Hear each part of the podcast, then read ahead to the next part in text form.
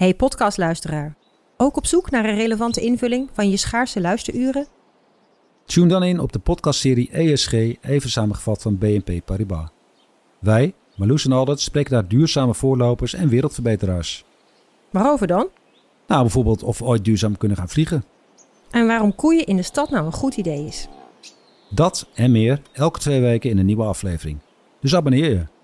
ESG, even samengevat.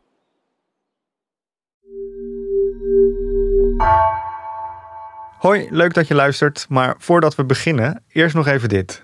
Jij zit de hele tijd naar ons te luisteren, maar wij willen ook een keer naar jou luisteren.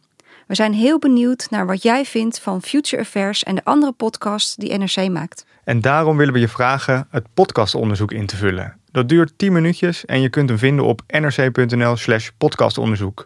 We zetten de link ook nog even in de show notes. Dankjewel alvast.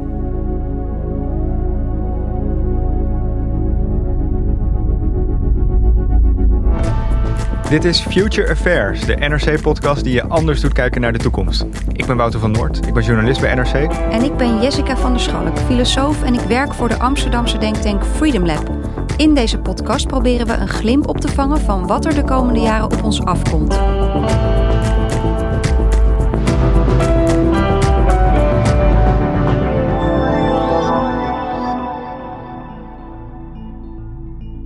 Technologie is een soort onvermijdelijke natuurkracht die over ons heen dendert en waar we zelf ook niet zo heel veel over te zeggen lijken te hebben.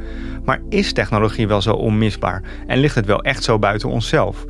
Het is de hoogste tijd dat we minder passief worden in die digitale wereld, zegt onze gast van vandaag, Marleen Sticker. Ik ben zelf niet echt een hacker in de zin, maar ik ben wel een soort systeemhacker. Dus ik wil ook graag weten altijd hoe het, hoe het, zo, hoe het komt, wat er achter schuil gaat. Zij ziet technologie als een uiting van onze cultuur, van onze normen en waarden, als iets van onszelf. Zoals mensen zeggen, hè, eh, robots nemen mijn baan. Maar dan vergeet je dat er allemaal eigenaren van die robots zijn. Ze onderzoekt vanuit welke ideeën iets is ontwikkeld en of die ideeën nog wel aansluiten op wat we nu willen. Technologie is volgens haar namelijk nooit neutraal. Dan is het dus een uitdrukking van iets. Van, van een wereldvisie of een wereldbeeld. En over het algemeen noemen we dat cultuur. Dus je zou kunnen zeggen, technologie is, zijn artefacten, art, kunst, kunstvormen, zeg maar, die de mens produceert. Marleen is internetpionier van het eerste uur en prominent technologiecriticus die op allerlei niveaus meedenkt over beleid. Ze werkte mee aan de duurzame smartphone Fairphone en ze is oprichter van Waag, een toekomstlab dat opereert op het kruispunt van kunst, wetenschap en technologie. Vandaag neemt ze ons mee op een datawandeling naar dé plek in Nederland waar het internet en al die ontelbare data het meest tastbaar zijn.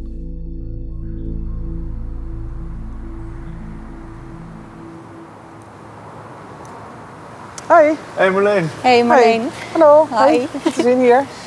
Je hebt ons hier uitgenodigd. Ik zie om me heen kleurige containers met opschriften, start-ups, overal zitten erin.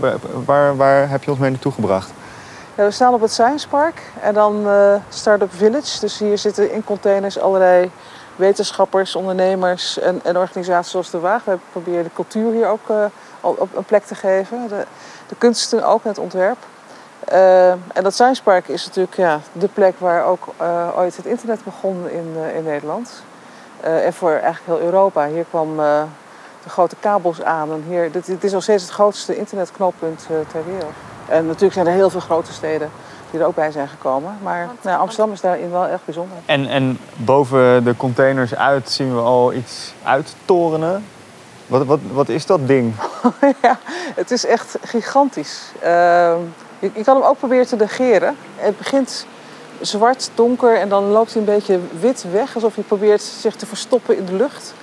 Maar het is een, een hele grote doos die een ja. beetje esthetisch is aangekleed. Waardoor die toch wel fascineert is om naar te kijken, omdat het een beetje verspringt, het perspectief. Het heeft iets kathedraalachtigs door de een beetje zuilen, pilarenachtige dingen die er op die vierkante doos lijken te zitten. Ja, ik heb begrepen dat hij honderd uh, keer zo zwaar is als de Eiffeltoren. En, en dan vraag je af, wat een enorme massa staat daar. Ja. Nou, dit is een datacenter. dit is er een. Ja, dit is er een. In we het wild. We hebben hem, we hebben hem in beeld. ja. Maar wat ook wel gek is aan dit gebouw, is dat je niet ziet wat het is eigenlijk. Dus heel vaak denk je, oké, dit zijn woningen of dit is een kantoor. Of uh, ja, Nee, je ziet het eigenlijk dat er geen ramen in zitten. Precies, er Dus zitten geen Er zit ramen geen in. mens in. Nee, er zit, het, het- het- en het kan ook niet echt een garage zijn of zo. Dus het ziet er ook wel heel. Ja. Je ziet niet wat het is. Alleen maar dat het een een blok is. Ja. ja, want ik denk dat... Kijk, dit, dit, dit soort dozen verschijnen dus overal in het landschap. Soms zo hoog als deze, soms plat. Eh, en, en dat zijn... Ja, ja, de, eigenlijk is dit, dit is de black box, zeg maar. Je ziet hem hier nu staan. De black box de van black het box internet. van het internet. Dus eh, daar, daar gebeurt van alles. Daar zitten servers in. Daar is- hier zit Netscape in voor iedereen. Dus als, je, komt- als jij filmpjes kijkt, dan staat het op een van die, wat is het, 120.000 servers die in het gebouw staan. Maar ook Google, al die grote partijen hebben hier een server staan. En, en dit is één van de vele over de hele wereld. Maar steeds meer ook hier in Nederland. En we hebben er voordeel bij, want eh, als dat hier bij ons staat, je moet ook niet alleen maar daar vervelend over doen. Het feit dat, dat we hier dit soort datacenters hebben, heeft ook te maken met dat we snel internet hebben. Want als, hij, als iemand hier eh, dit probeert te vernietigen, wat raken we dan kwijt? Wat merk ik daar dan van als ik thuis ben? Nou, ik, dit is niet de enige plek waar. Kijk, er zijn meerdere plekken. En eh, hiermee, hiermee heb je niet het internet aangevallen, maar wel een heleboel van de data op het internet. Dus heel veel van de services en diensten. Maar de meeste grote bedrijven, hè, dat heet dan redundancy, dus die hebben ook hetzelfde nog wel op een andere plek staan. Ja, ja. Dus het inter- inter- dat maakt het internet ook wel heel sterk. Je, je kan niet op één plek het internet vernietigen. Maar het is echt een kolos. Hè. We zijn inmiddels ook iets dichterbij gaan staan. En dan moet ik echt, echt ver omhoog kijken om de top te kunnen zien. En eh, dit heeft Ja. iets architectonisch nog. Ja. Maar het is ook heel hermetisch, wat jij ook zegt. En eh, jij zegt ook, dit staat symbool voor iets. Toch? De, manier waarop dit het internet in zich heeft, dat, dat, dat zegt iets over ons. Nou, kijk, het zegt iets over eh, het feit dat, dat je geen mens ziet. En dat het, dat het een soort ja, alienachtig ge- gebouw is. Waar natuurlijk wel mensen werken om dit in stand te houden. Dat is ook een beetje zoals we technologie überhaupt ervaren. Van het is iets, eh, ja, komt van buiten eh, en, en, en het werkt. Is alsof het zo van God neergezet is op de aarde. Maar zo zie je dus ook eh, hoe het internet nu Nee, wordt ik, beleefd. Nou, beleefd, ja, precies. Want ik denk dat, kijk, als, als, je, als je het eh, ontwart van wat hier gaande is, dan zijn het allemaal bedrijven en er zitten aandeelhouders in. Dus dit is, dit is de manifestatie van kapitaal en van macht van het kapitaal ook. Het is ook, het, mensen werken hier, hier aan, maar we zien ze niet meer. Dus het is ook de manier waarop we doen alsof mensen niet achter de technologie zitten. Alsof technologie iets van zichzelf is. Alsof het een gegeven is dat het er is. Het is eigen kracht. En, Zoals ja. mensen zeggen, hè, eh, robots nemen mijn baan. Maar dan vergeet je dat er allemaal eigenaren van die robots zijn. Dus voor mij, als ik dit zie, dan denk ik, wie, wie zit daarachter? Eh en wie is dat dan? En wie investeert er dan in? Welke belangen spelen, zijn er hier gemoeid? En de laatste wat ik, wat, wat ik hier zie, is een enorm energieslurpend gebouw. Wat alle, en natuurlijk probeert de tech-industrie en ook de datacenters proberen natuurlijk eh, hè, groen te worden. Maar daarmee kopen ze zo'n beetje alle groene, groene energie op, of windenergie op, eh, die we eigenlijk ook voor huishoudens hadden kunnen gebruiken. Ja. Dus je ziet hier ook wel een groot dilemma. We willen alles met data oplossen en tegelijkertijd levert dit een gigantische ecologische eh, footprint op. En, en we maken geen duidelijke afwegingen waarom deze nou voorgaan op eh, de energietransitie waar we sowieso wel in zitten. Dus die technologie die staat niet op zichzelf. Die is gewoon van iemand. Iemand heeft ervoor betaald. Heeft er bepaalde ideeën bij. Bij het in de wereld brengen van die techniek. Eh, we denken ook nogal eens dat die ontastbaar, digitaal, virtueel is. Terwijl, nou ja, we staan hier voor een glimmende kolos die toch laat zien wat voor enorme afdruk technologie kan hebben. Maar waar staat dit grote ding nou volgens jou nog meer voor? Waar het me om gaat is dat eh, we denken dat alles in technologie opgelost moet worden. Er zit een soort denken op dit moment in, in redeneren, datagestuurd beleid, eh, alles is digitaal, wen er nou maar aan. En die, ik denk dat daar vooraannames en aannames in zitten die we moeten, moeten bespreken met elkaar. Moet het allemaal wel digitaal? En, en, en is dit dan de prijs die je wil betalen? Ja, het- iets wat heel abstract lijkt, alsof het in de cloud, hè, zo wordt het ons verteld, zit ergens in de lucht. Ja, het, manifesteert zich hier. Hallo, wat kunnen we voor je doen? Hi. Ja, nee, dat wou ik eigenlijk hetzelfde vragen. Want wij krijgen alarmmeldingen binnen. Want dit Oh, is ja? de perimeter. En als daar mensen Oh, dus er overheen zit een komen. onzichtbare zender hier. Ja, En dan krijgen wij meldingen binnen. Dus we moeten op het witte vlak blijven staan. Ja, witte vlak Oh ja. is, is publiek En u staat op het zwarte vlak. Ik sta op het zwarte vlak. Ik durf wel de overstap te maken hoor. naar de- naar de- Er gaat niet iets mis als je... Nee, er gaat niet wat mis. Maar Nee. u zit er wel eh, scherp op. Ja, ja, want we, zijn, we houden natuurlijk het datacenter goed in de gaten. Ja. eh, om eh, ja, de boel natuurlijk te beveiligen. Ja. Dus ik was heel even benieuwd waar... eh, Wij maken een podcast voor NRC. Oh, en, en dan maak ik, word ik natuurlijk meteen benieuwd waarvoor je vreest wie er, wie er binnenkomen. Nee, wij, bijvoorbeeld. het is gewoon standaard controle. Als mensen Oh, zich ja. onder het pand eh, bevinden, eh, kijken we altijd eventjes wat mensen komen doen. Ja. Ja. Dus Nou, wij, eh, wij kwamen hier even kletsen. leuk. En- En, het en eh, over, over dit mooie ja. datacenter. Kijk, nou, ideaal. Dan zitten jullie goed. Ineens weer had wat beter gemogen. Ja, zeker. Jij doet dat Ja. we snel naar binnen rennen zo. Nou, dan Yes. ga ik jullie niet langer ophouden. Veel succes allemaal. En een fijne dag. Dankjewel. Tot ziens. Dag hoor. We gaan hier een mooie groene container in en daar staat op Planet B. Ja, dat is onze kleine nederzetting hier op het Science Park vanuit Waag. En eh, we gaan de trap op. En dan ga ik even de deur voor jullie openen. Zo, Zo, in ieder geval droog. Lekker. binnen. een stukje warmer ook.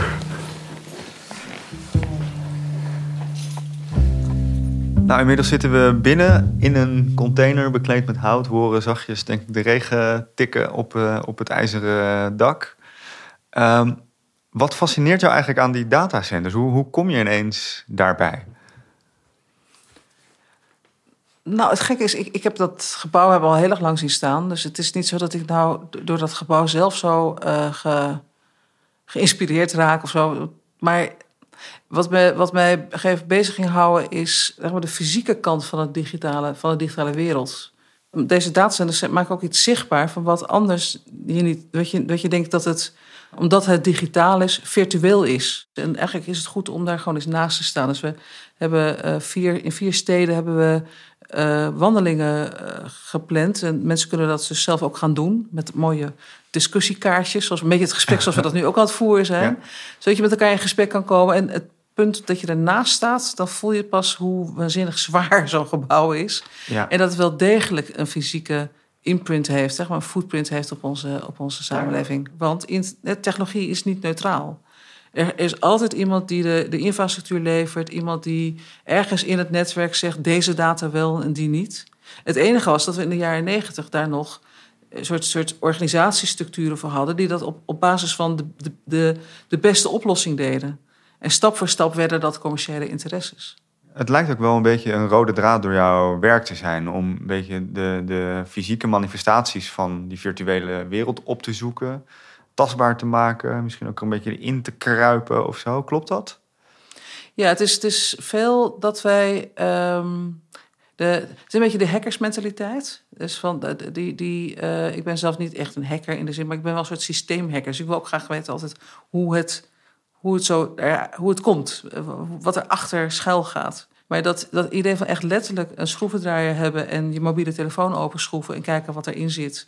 En, en begrijpen dat daar allerlei ja, eh, grondstoffen in zitten. En dat dat een effect heeft op, de, op eh, wat er in, in Congo gebeurt. Omdat daar kinderen in de mijnen coltan aan het, aan het mijnen zijn, wat in onze telefoon zit. Dat soort hele letterlijke vertalingen van, van, van iets van heel abstracts, eh, TikTok, gezellig, leuk plaatje, naar, oh wacht even, dus ik heb, dat wat ik doe heeft consequenties. Maar sommige dingen zijn ook zo vanzelfsprekend dat je ze niet bevraagt. En dat jij die vragen stelt, eh, dus de evidenties bevraagt, eh, daarvan vroeg ik me af. En dat is natuurlijk wel meer dan kijken hoe iets werkt. Dat is überhaupt erop komen dat je iets kunt bevragen. Hoe komt dat dat jij, daar, dat jij die houding hebt? Ja, je kan heel ver teruggaan in je jeugd, maar ik weet niet of ik daar een, eh, duidelijk moment voor. Dat moment dat ik, nee, eh, dat ik die schroevendraaier ooit zag. Nee, ik ben, ik, het grappige is dat ik helemaal niet zo handig ben. Dus, het is- dus het is ook helemaal niet dat ik je nou zeg dat ik zelf heel goed ben in het, in het hanteren van, de- van de schroevendraaier. Het is meer die metaforische kant, of wat jij zegt. Zeg maar, het het eh, is niet, voor, niet als een gegeven beschouwen. Ik denk wel dat ik ben zeker beïnvloed door mijn vader, die uh, een soort trans science scientist was. Een heel moeilijk woord. Dat? Ja, precies. Dat probeerde hij mij dan ook toen ik jong was uit te leggen.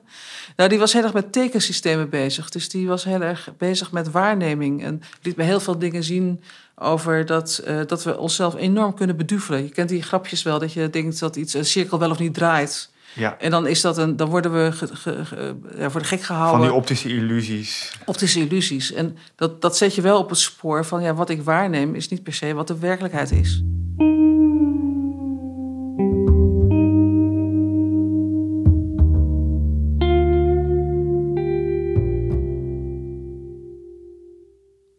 Marleen, jij maakt die technologie dus open, hè, onze mobiele telefoon, en jij gaat kijken wat er allemaal in zit en of dat wel eerlijk vervaardigd is. Maar jij denkt ook na over die, die ideeën die achter die technologie liggen en ook de ideeën die we zelf hebben bij het gebruik van die technologie. Ik moet bijvoorbeeld denken aan uh, kinderen die nu op vrij jonge leeftijd een mobiele telefoon meekrijgen als ze de straat op gaan, omdat wij aannemen dat ze dan veiliger zijn.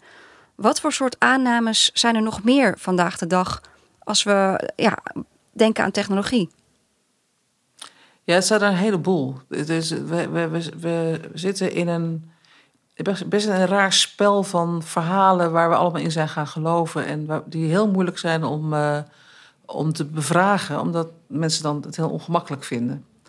Eén daarvan is, uh, ik was laatst uh, bij een ministerie van INM om te praten over zelfrijdende auto's. En ik zei, die komen er niet. En toen ging een soort, soort, soort siddering door die hele zaal heen. Van, want dat hele ministerie is er om te optimaliseren voor zelfrijdende auto's. Dat denkt men dat dat moet, want dat komt uit allerlei rapporten. En dat is berekend. En op het moment dat je zegt dat komt er niet, dan stel je ter discussie. Dat, dat, wat, mij, wat ik gek vind, is dat alleen al dat ter discussie stellen zo'n siddering door die zaal teweegbracht. Want ik dacht, dit hebben jullie toch wel met elkaar besproken. Is het wenselijk? Hè? Uh, uh, zijn er andere scenario's? Waarom, waarom zouden we dit eigenlijk willen?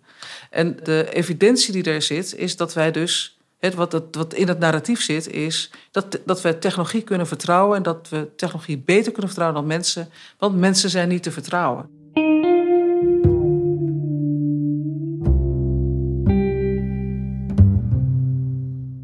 En dat er geen alternatief is. Dat, dat zit er misschien ook heel erg onder. Dat technologie en technologische ontwikkeling, vooruitgang, soort onvermijdelijk is. En naast dat plan A is er niet eens een plan B. Dat hoor ik ook een beetje in bij je.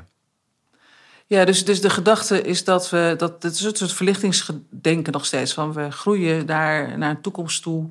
Waarin, uh, en, daar, en technologie is daar, is daar onvermijdelijk in. Dat is, dat is de driver eigenlijk. En het bevragen dat data niet neutraal is en dat technologie niet neutraal is.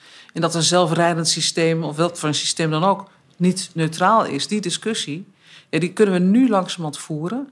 Maar, dat is, dat, maar die was heel lang, hebben mensen, dat, dat, die, die durfden die, zelfs als mensen, dat heb ik al eens gemerkt binnen ministeries of binnen gemeentes, die wat vragen hadden, een beetje zich ongemakkelijk voelden over die drift van dat alles maar digitaal moest.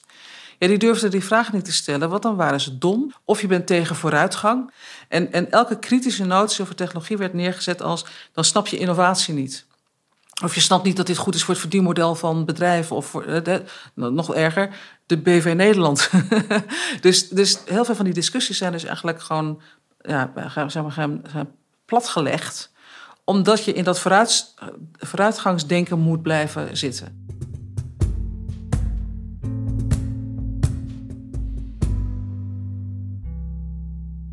Ja, want hier komt weer terug die vooraannames. En iedereen heeft altijd vooraannames als je naar de wereld kijkt. En technologie heeft dat ook. En dat het begrip zo belangrijk is, kan je één keer uitleggen. Wat is nou eigenlijk een vooraanname? Een vooraanname. Ah, die is wel grappig, ja. Moet ik die even. Het is een heel filosofisch gesprek aan het worden, jongen. Ja. Um, een vooraanname is iets wat je voor waar houdt. Uh, en, waar, en wat je als uitgangspunt neemt. Uh, om daarmee daarna te gaan redeneren.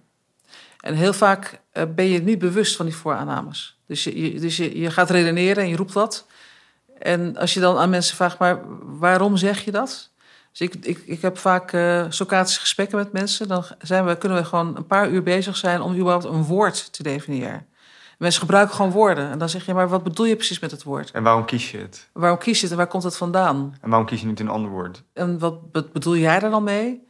En dan kom je heel vaak kom je op gesprekken als van, nou, vaak kom je al op, op van, ik denk dat de mens dit is, of ik denk dat liefde dat is, of ik denk dat geluk zussen zo is. En dan kan je, als je, als je daar van, van elkaar begrijpt waar het vandaan komt, dan kan je vervolgens verder, verder praten. En als je met elkaar zegt van dit vinden wij nu goed, dit, we zijn het met elkaar eens, dan, dan, dan heb je daar dus een vooronderstelling achter. Dus het is prima, we, kunnen niet zonder. Hè, dus ik zeg niet dat je hem niet zou kunnen hebben. Het enige is, je moet, je moet jezelf beter verklaren. En een van de gedachten, als, als we zeggen datagestuurd beleid is beter, dan zeggen we tegen heel veel andere mensen: jouw intuïtie deugt niet. Of jouw kennis over mensen deugt niet, want data is beter. Dat zijn, ook, dat zijn voorbeelden waarin dus die, dat soort vooraannames besloten liggen. En, en die zal je toch eerst moeten bespreken voordat je zegt: we gaan datagestuurd beleid primair zetten, want dat is beter. Wat echt gewoon in alle overheden op dit moment eh, gezegd wordt. Nou, dat, het leidt uiteindelijk, als je die vooraannames wel zichtbaar maakt, dan leidt het ook tot heel ander soort beleid. Ja. Want ik hoor hierin ook, uh, en dat is volgens mij ook een breder thema voor de Waag, dat om technologie en cultuur aan elkaar te koppelen.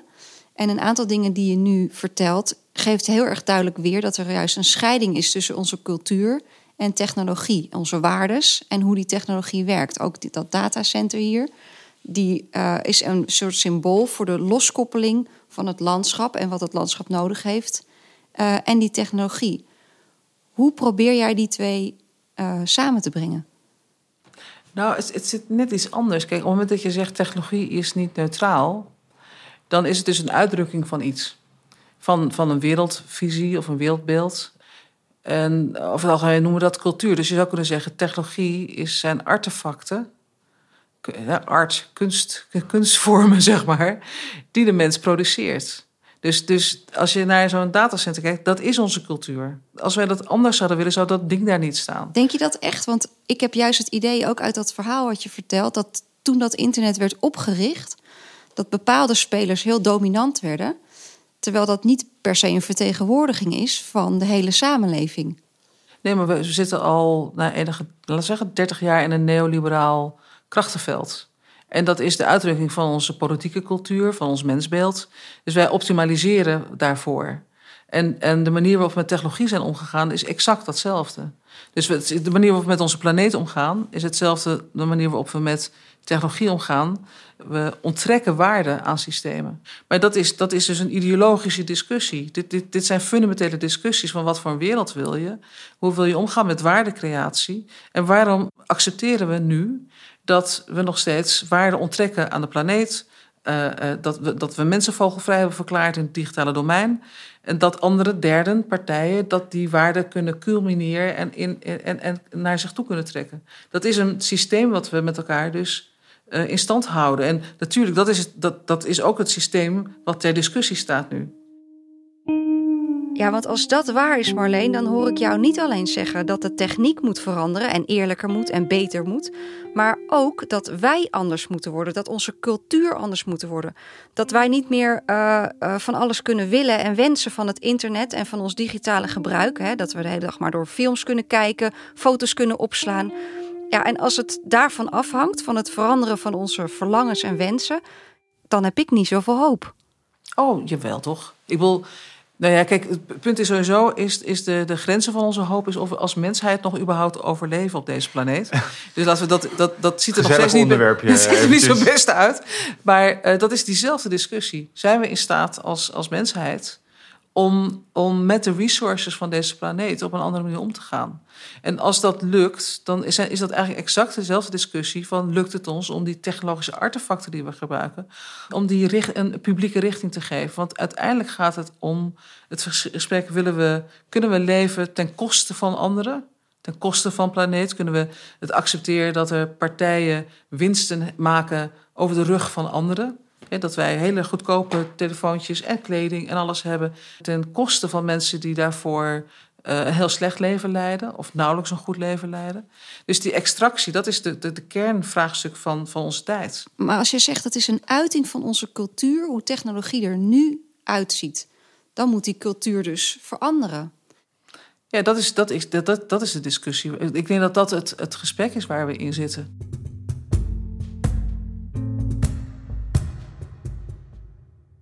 En waar, waar, waar zou dat voor jou betreft, stel dat je nieuwe vooraannames mocht maken voor technologie en hoe we, dat, hoe we daar uiting aan geven? En die hele cultuur. Dus, Ja, dus niet precies. alleen maar technologie, ja, ja. maar die vooraannames in die cultuur. Ja, wat, wat zouden die zijn? Wat zijn de belangrijkste veranderingen die we in onze aannames, in ons hele wereldbeeld moeten ja, bewerkstelligen? Ja, er zijn, er zijn, op, zich zijn er heel veel stromingen in nu. Bijvoorbeeld waar ik, waar ik mezelf verwant aan voel. Is overigens ook het onderzoek wat we doen als Waag naar Planet B. Want dit is eigenlijk, eigenlijk deze discussie eh, gaan we vier jaar over doen. Dus ik kan alleen maar een tijdelijk antwoord geven. Ehm, Planet B. Planet B is, een, is het, het- de, de gedachte dat je, dat je je kan voorstellen hoe wij wel in harmonie met, met onszelf en met andere eh, leefvormen zouden kunnen, kunnen leven. En, en dus het is eigenlijk, je gebruikt het, de metafoor van een planeet die niet bestaat, Planet B, wat ik kan niet, want we hebben alleen maar Planet E, dat is deze. Maar door die verbeelding kun je even nadenken van, misschien kan het wel. En kunnen we daarna gaan handelen. Op het moment dat je een, het mogelijk, als, als je het voor mogelijk houdt, dan kan je daarna gaan handelen. En, en neem ons dan eens mee in, in die toekomst. Stel dat lukt. Eh, stel de woelige tijd waarin we nu zitten. Zorgt ervoor dat we helemaal radicaal die Planet B echt kunnen gaan inrichten. We zijn net heel erg opgestegen in de filosofie. Als we nou gewoon weer landen hier in Amsterdam op het Science Park. We kijken uit op de, dat blok. Eh, is dat dan weg? Hoe is het internet? hoe- waar manifesteert zich dan het internet in het landschap of in, in ons leven? Ik ben niet naïef, dus ik denk dat er heel veel van die blokken blijven bestaan. Maar het gaat wel om systeemverandering. En een van de eh, de meest letterlijke vorm van wat je zegt, wat, hoe ziet dat internet er dan in de toekomst uit? Of wat is de, de volgende generatie internet? Dan zeggen, hè, dan zou ik kunnen zeggen, die is federatief en decentraal. Eh, dat betekent niet dat je af en toe van dit grote hubs nodig hebt, overigens. Maar het betekent wel dat je niet alles meer op een centrale server in de Silicon Valley zet of bij een centrale partij zet. Dus, ehm, dus federatief betekent dat je, dat je op heel veel plekken servertjes hebt. Maar zo werkt het internet in principe nu ook. Alleen dit is dan een voorbeeld van hoe het heel centraal ook. Nou, eigenlijk het, het grappige is het internet, het internetprotocol is, eh, is heel federatief en heel decentraal. Maar de applicaties die we erop hebben gemaakt, die zijn centraal. Hmm. Dus eh, als jij bij, op Facebook eh, iets wil doen, dan log je bij Facebook in. En, en die bepaalt vervolgens wat jij wel of niet te zien krijgt. En eh, wat dan de federatieve variant daarbij is, is dat je dat via op, op je eigen, dat jij zelf jezelf host. Dus dat je, en dat er heel veel anderen dat ook doen. Een beetje zoals mailservers werken. Ja, en dus ook dat anderen niet per se jouw data nodig hebben om dat te kunnen doen. Waardoor eh, die blokken die we nu in het landschap zetten, die zijn heel erg gericht op zoveel mogelijk data verzamelen en centraal opslaan. En dat is misschien dan ook niet meer nodig, denk je. Ik denk dat het heel verstandig is om aan dataminimalisatie te gaan doen. Eh, en te zeggen, wat hebben we nou echt nodig? Eh, ook, ook in die datahonger die de overheid heeft eh, ten opzichte van, van burgers. Of dat we, dat, dat, wat we net hebben gemerkt, dat het gele boekje dan plotseling gezegd wordt... nee, dat gele vaccinatieboekje, dat kan niet, dat moet een app worden. Dat, dat, dat zijn van die rare, rare mechanismen. Dus ik zeg niet dat niet ook digitaal kan helpen... maar die, dat, dat, dat Pavlov-effect van... en dat idee dat, dat een app beter is eh, dan, een, dan iemand die, eh, met wie je in gesprek kan. Dus al, al dat, soort, dat soort mechanismen zou kunnen leiden tot eh, wat, wat duidelijke keuze of wat je wel of niet met, met, met digitalisering wil. En dat kan ook de druk op die digitalisering en, dat, en die enorme druk op nog meer van die datacenters ook afnemen. Oké, dus, dus in dat toekomstbeeld zijn niet alleen maar de fysieke datacenters eh, federatief en decentraal, maar ook de platformen die daarmee werken. Dus dan wordt er veel scherper gekeken naar welke data is nodig, eh, welke bewuste keuzes moeten er nou gemaakt worden in die drift naar digitalisering. Maar de data die uiteindelijk wel in zo'n datacenter terechtkomen, eh, worden die, dat gebeurt nu natuurlijk, afgevangen, gebruikt in verdienmodellen. Gaat dat veranderen, denk je? Waar je dan mee, waar je mee start, is dat je, dat je zegt eh, de soevereiniteit van het individu eh, mag niet gebruskeerd worden. Dus eh, net zoals je, je verkoopt ook je nieren niet. Want daar hebben we, dat is de integriteit van het lichaam. Hebben we ook de integriteit van de persoon. Dus je wil dat de integriteit van de persoon, de soevereiniteit van het individu en van groepen ook, het is niet alleen maar individu, dat je dat beschermt en dat je dus in de technologie dat beschermt.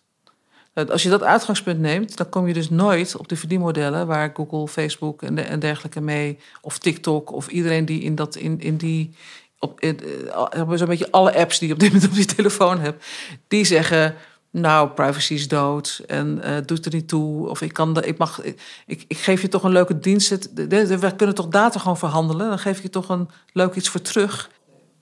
En wat is er voor nodig om dan die houding van mensen te kantelen eigenlijk? En dat je, je hebt het over dataminimalisme. Dat is al een hele eh, kanteling hè, in onze houding. Hoe, hoe krijgen we een nieuw wereldbeeld waardoor we beter omgaan met die technologie?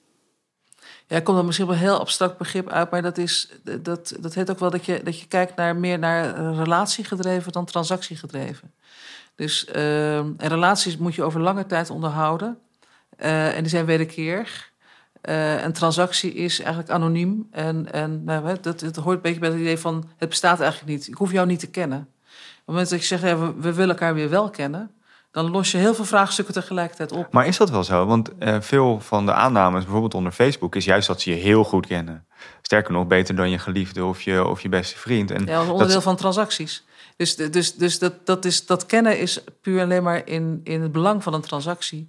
Het betekent niet dat wij elkaar echt beter leren kennen. Dus, dus ik, ik, vind het ongelooflijk armoeig. Die sociale mediaplatforms zijn echt, wat dat betreft, ze staan ook al honderd jaar stil. Dus dat, dat van kunnen we elkaar leren kennen? Hoe voeren we het goede gesprek? Hoe kom je voorbij aan, aan, eh, aan dat we elkaar alleen maar aan het opruien zijn? Daar kan je echt ook wel op applicatieniveau over nadenken. Maar, Maar dat dat gebeurt dan- niet, want dat is het verdienmodel niet. Dus ik denk dat je daar. Het is het, dat wat wij, zoals wij nu het internet waarnemen, is gebaseerd op hoe men maximaal transacties kunt laten plaatsvinden. Dus de, je zou kunnen zeggen, ik zit in een groep die zich bezighoudt met eh, finance en de commons. En dan, dan is het ook die beweging van moeten we niet van transactionele finance naar relationele finance. Hoe zou dat eruit zien dan? Hoe, zou, hoe maak je van financiën bij uitstek iets heel transactioneels? Ik geef jou een euro in ruil voor een dienst of eh, iets anders. En eh, hoe kan je dan van finance iets relationeels en, commons-achtig maken? Nou, bijvoorbeeld dat als mijn pensioengeld in iets wordt geïnvesteerd wat, wat rela- relationeel is, dus niet de hoogste winstmarge zoekt, maar eh, de, de, de maximale duurzaamheid. Dat, dat- dan ga je dus heel anders beleggen. Dus, je- dus je, je, stel, je, je stelt jezelf in relatie tot, tot, tot, tot een waarde of tot een, tot een ander of tot een, tot een ideaal. En, en, en dat is echt anders dan waar tot dusver op gestuurd is. Is dat je gewoon winstmaximalisatie nastreeft. Ongeacht het effect. En, en, en op, op wie dan ook. Eh, en ik, je ziet dus ook heel veel ondernemers langzamerhand hun onderneming daarop inrichten. Ja. En zeggen: het gaat ons eh, niet op, op, om winstmaximalisatie. Het gaat ons om goede dienstverlening, duurzaamheid in de bedrijvigheid. En, en ook het goede doen.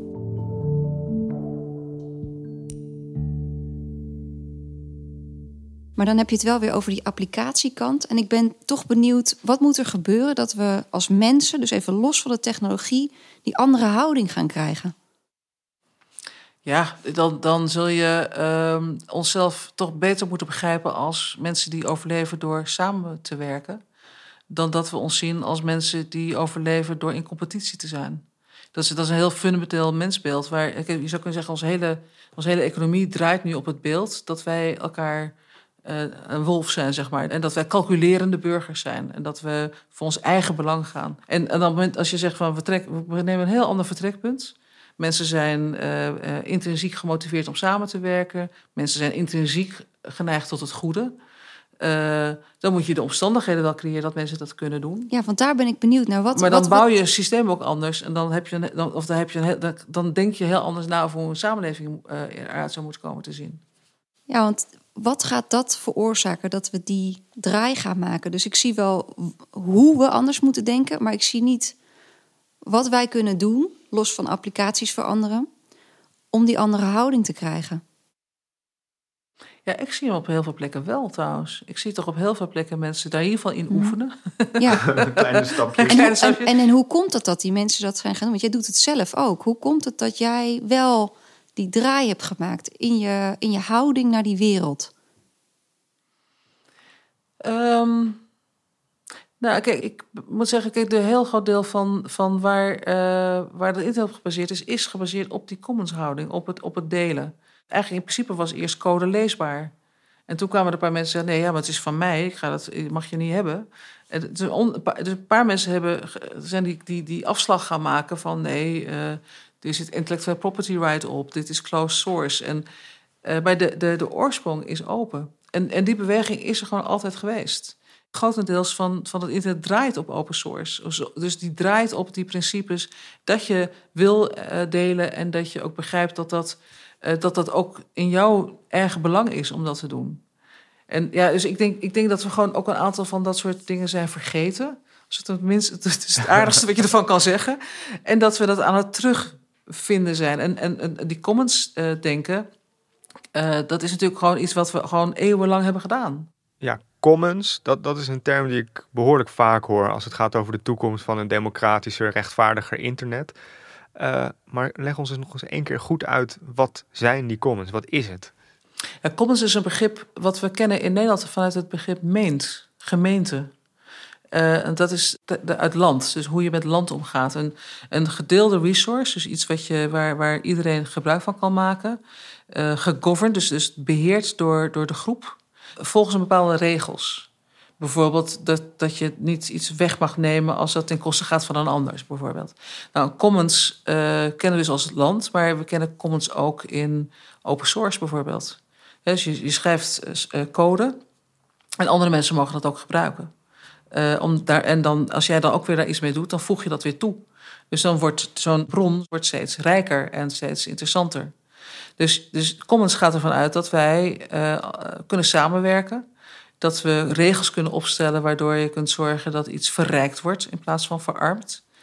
En Commons is dus een interessant begrip omdat het naast. Het is eigenlijk een plek die je naast de overheid en naast de markt kan plaatsen. Je zou kunnen zeggen, als je de Commons goed organiseert, dan kunnen daar marktactiviteiten naast plaatsvinden volgens de regels die je hebt opgesteld. Uh, en de overheid moet natuurlijk zorgen dat die commons ook gerespecteerd wordt. Dus, dus heel concreet een, een, een mobiliteitsdata bijvoorbeeld. Nou, het is op zich wel handig uh, om iets te weten over waar vervoerder zijn... en waar, waar, de, waar de taxi rijdt en waar de, de trein, wanneer die aankomt. Dus mobiliteitsdata is wel echt handig. Als je zegt, nou, we, we willen een datacommon-strategie... dan zeggen we alle informatie die over mobiliteit die is niet geprivatiseerd, die is niet van een bedrijf, die is niet van een overheid. Die is, die is, die, het is een bron die we allemaal nodig hebben. We stellen regels op wat daarmee kan. Bijvoorbeeld dat we daar de privacy in beschermen. Dus wat, wat nu heel raar is, is als jij een, uh, zo'n appje met zo'n zo'n scootertje, dan, dan is jouw data al in, die, in, in dat bedrijf terechtgekomen. Ja. Uh, of het is van Uber. En je kan ook zeggen, nee, in deze stad zorgen we dat we een commons, een data commons creëren en als jij hier een uh, taxi wil laten rijden of, een, of, een, of, wat, wat het ook is, dan uh, kan je dus niet die data afvangen. Dan doe, je, dan doe je op dit platform mee. Dus de data blijft van de commons. En we, we bepalen wat je er wel en niet mee mag doen.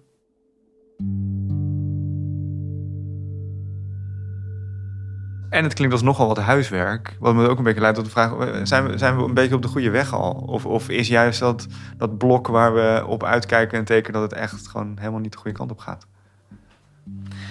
Nou ja, ik, ik blijf maar voor we can fix it, zeg maar. We kunnen, kunnen het repareren.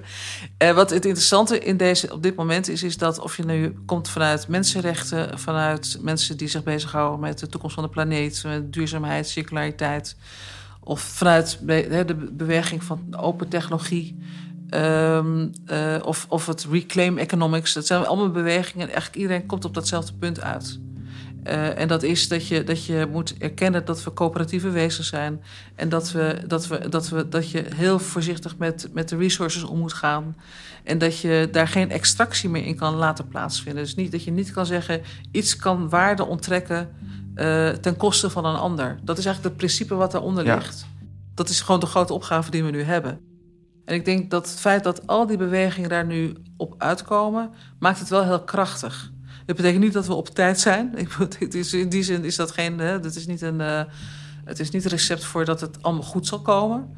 Maar ik heb in geen tijden eigenlijk die bewegingen zo bij elkaar zien komen. Dat vind ik op dit moment wel heel erg interessant.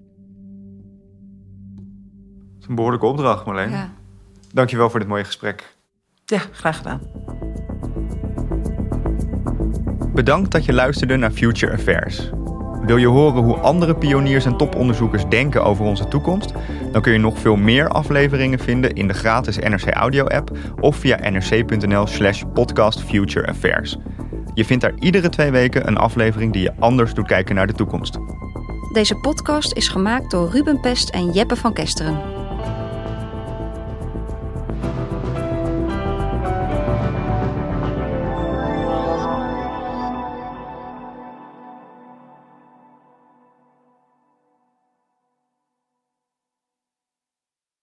Technologie lijkt tegenwoordig het antwoord op iedere uitdaging. Bij PwC zien we dit anders. Als we de potentie van technologie willen benutten, kunnen we niet zonder een menselijk perspectief. Human-led, tech-powered noemen we dat. Ga naar pwc.nl.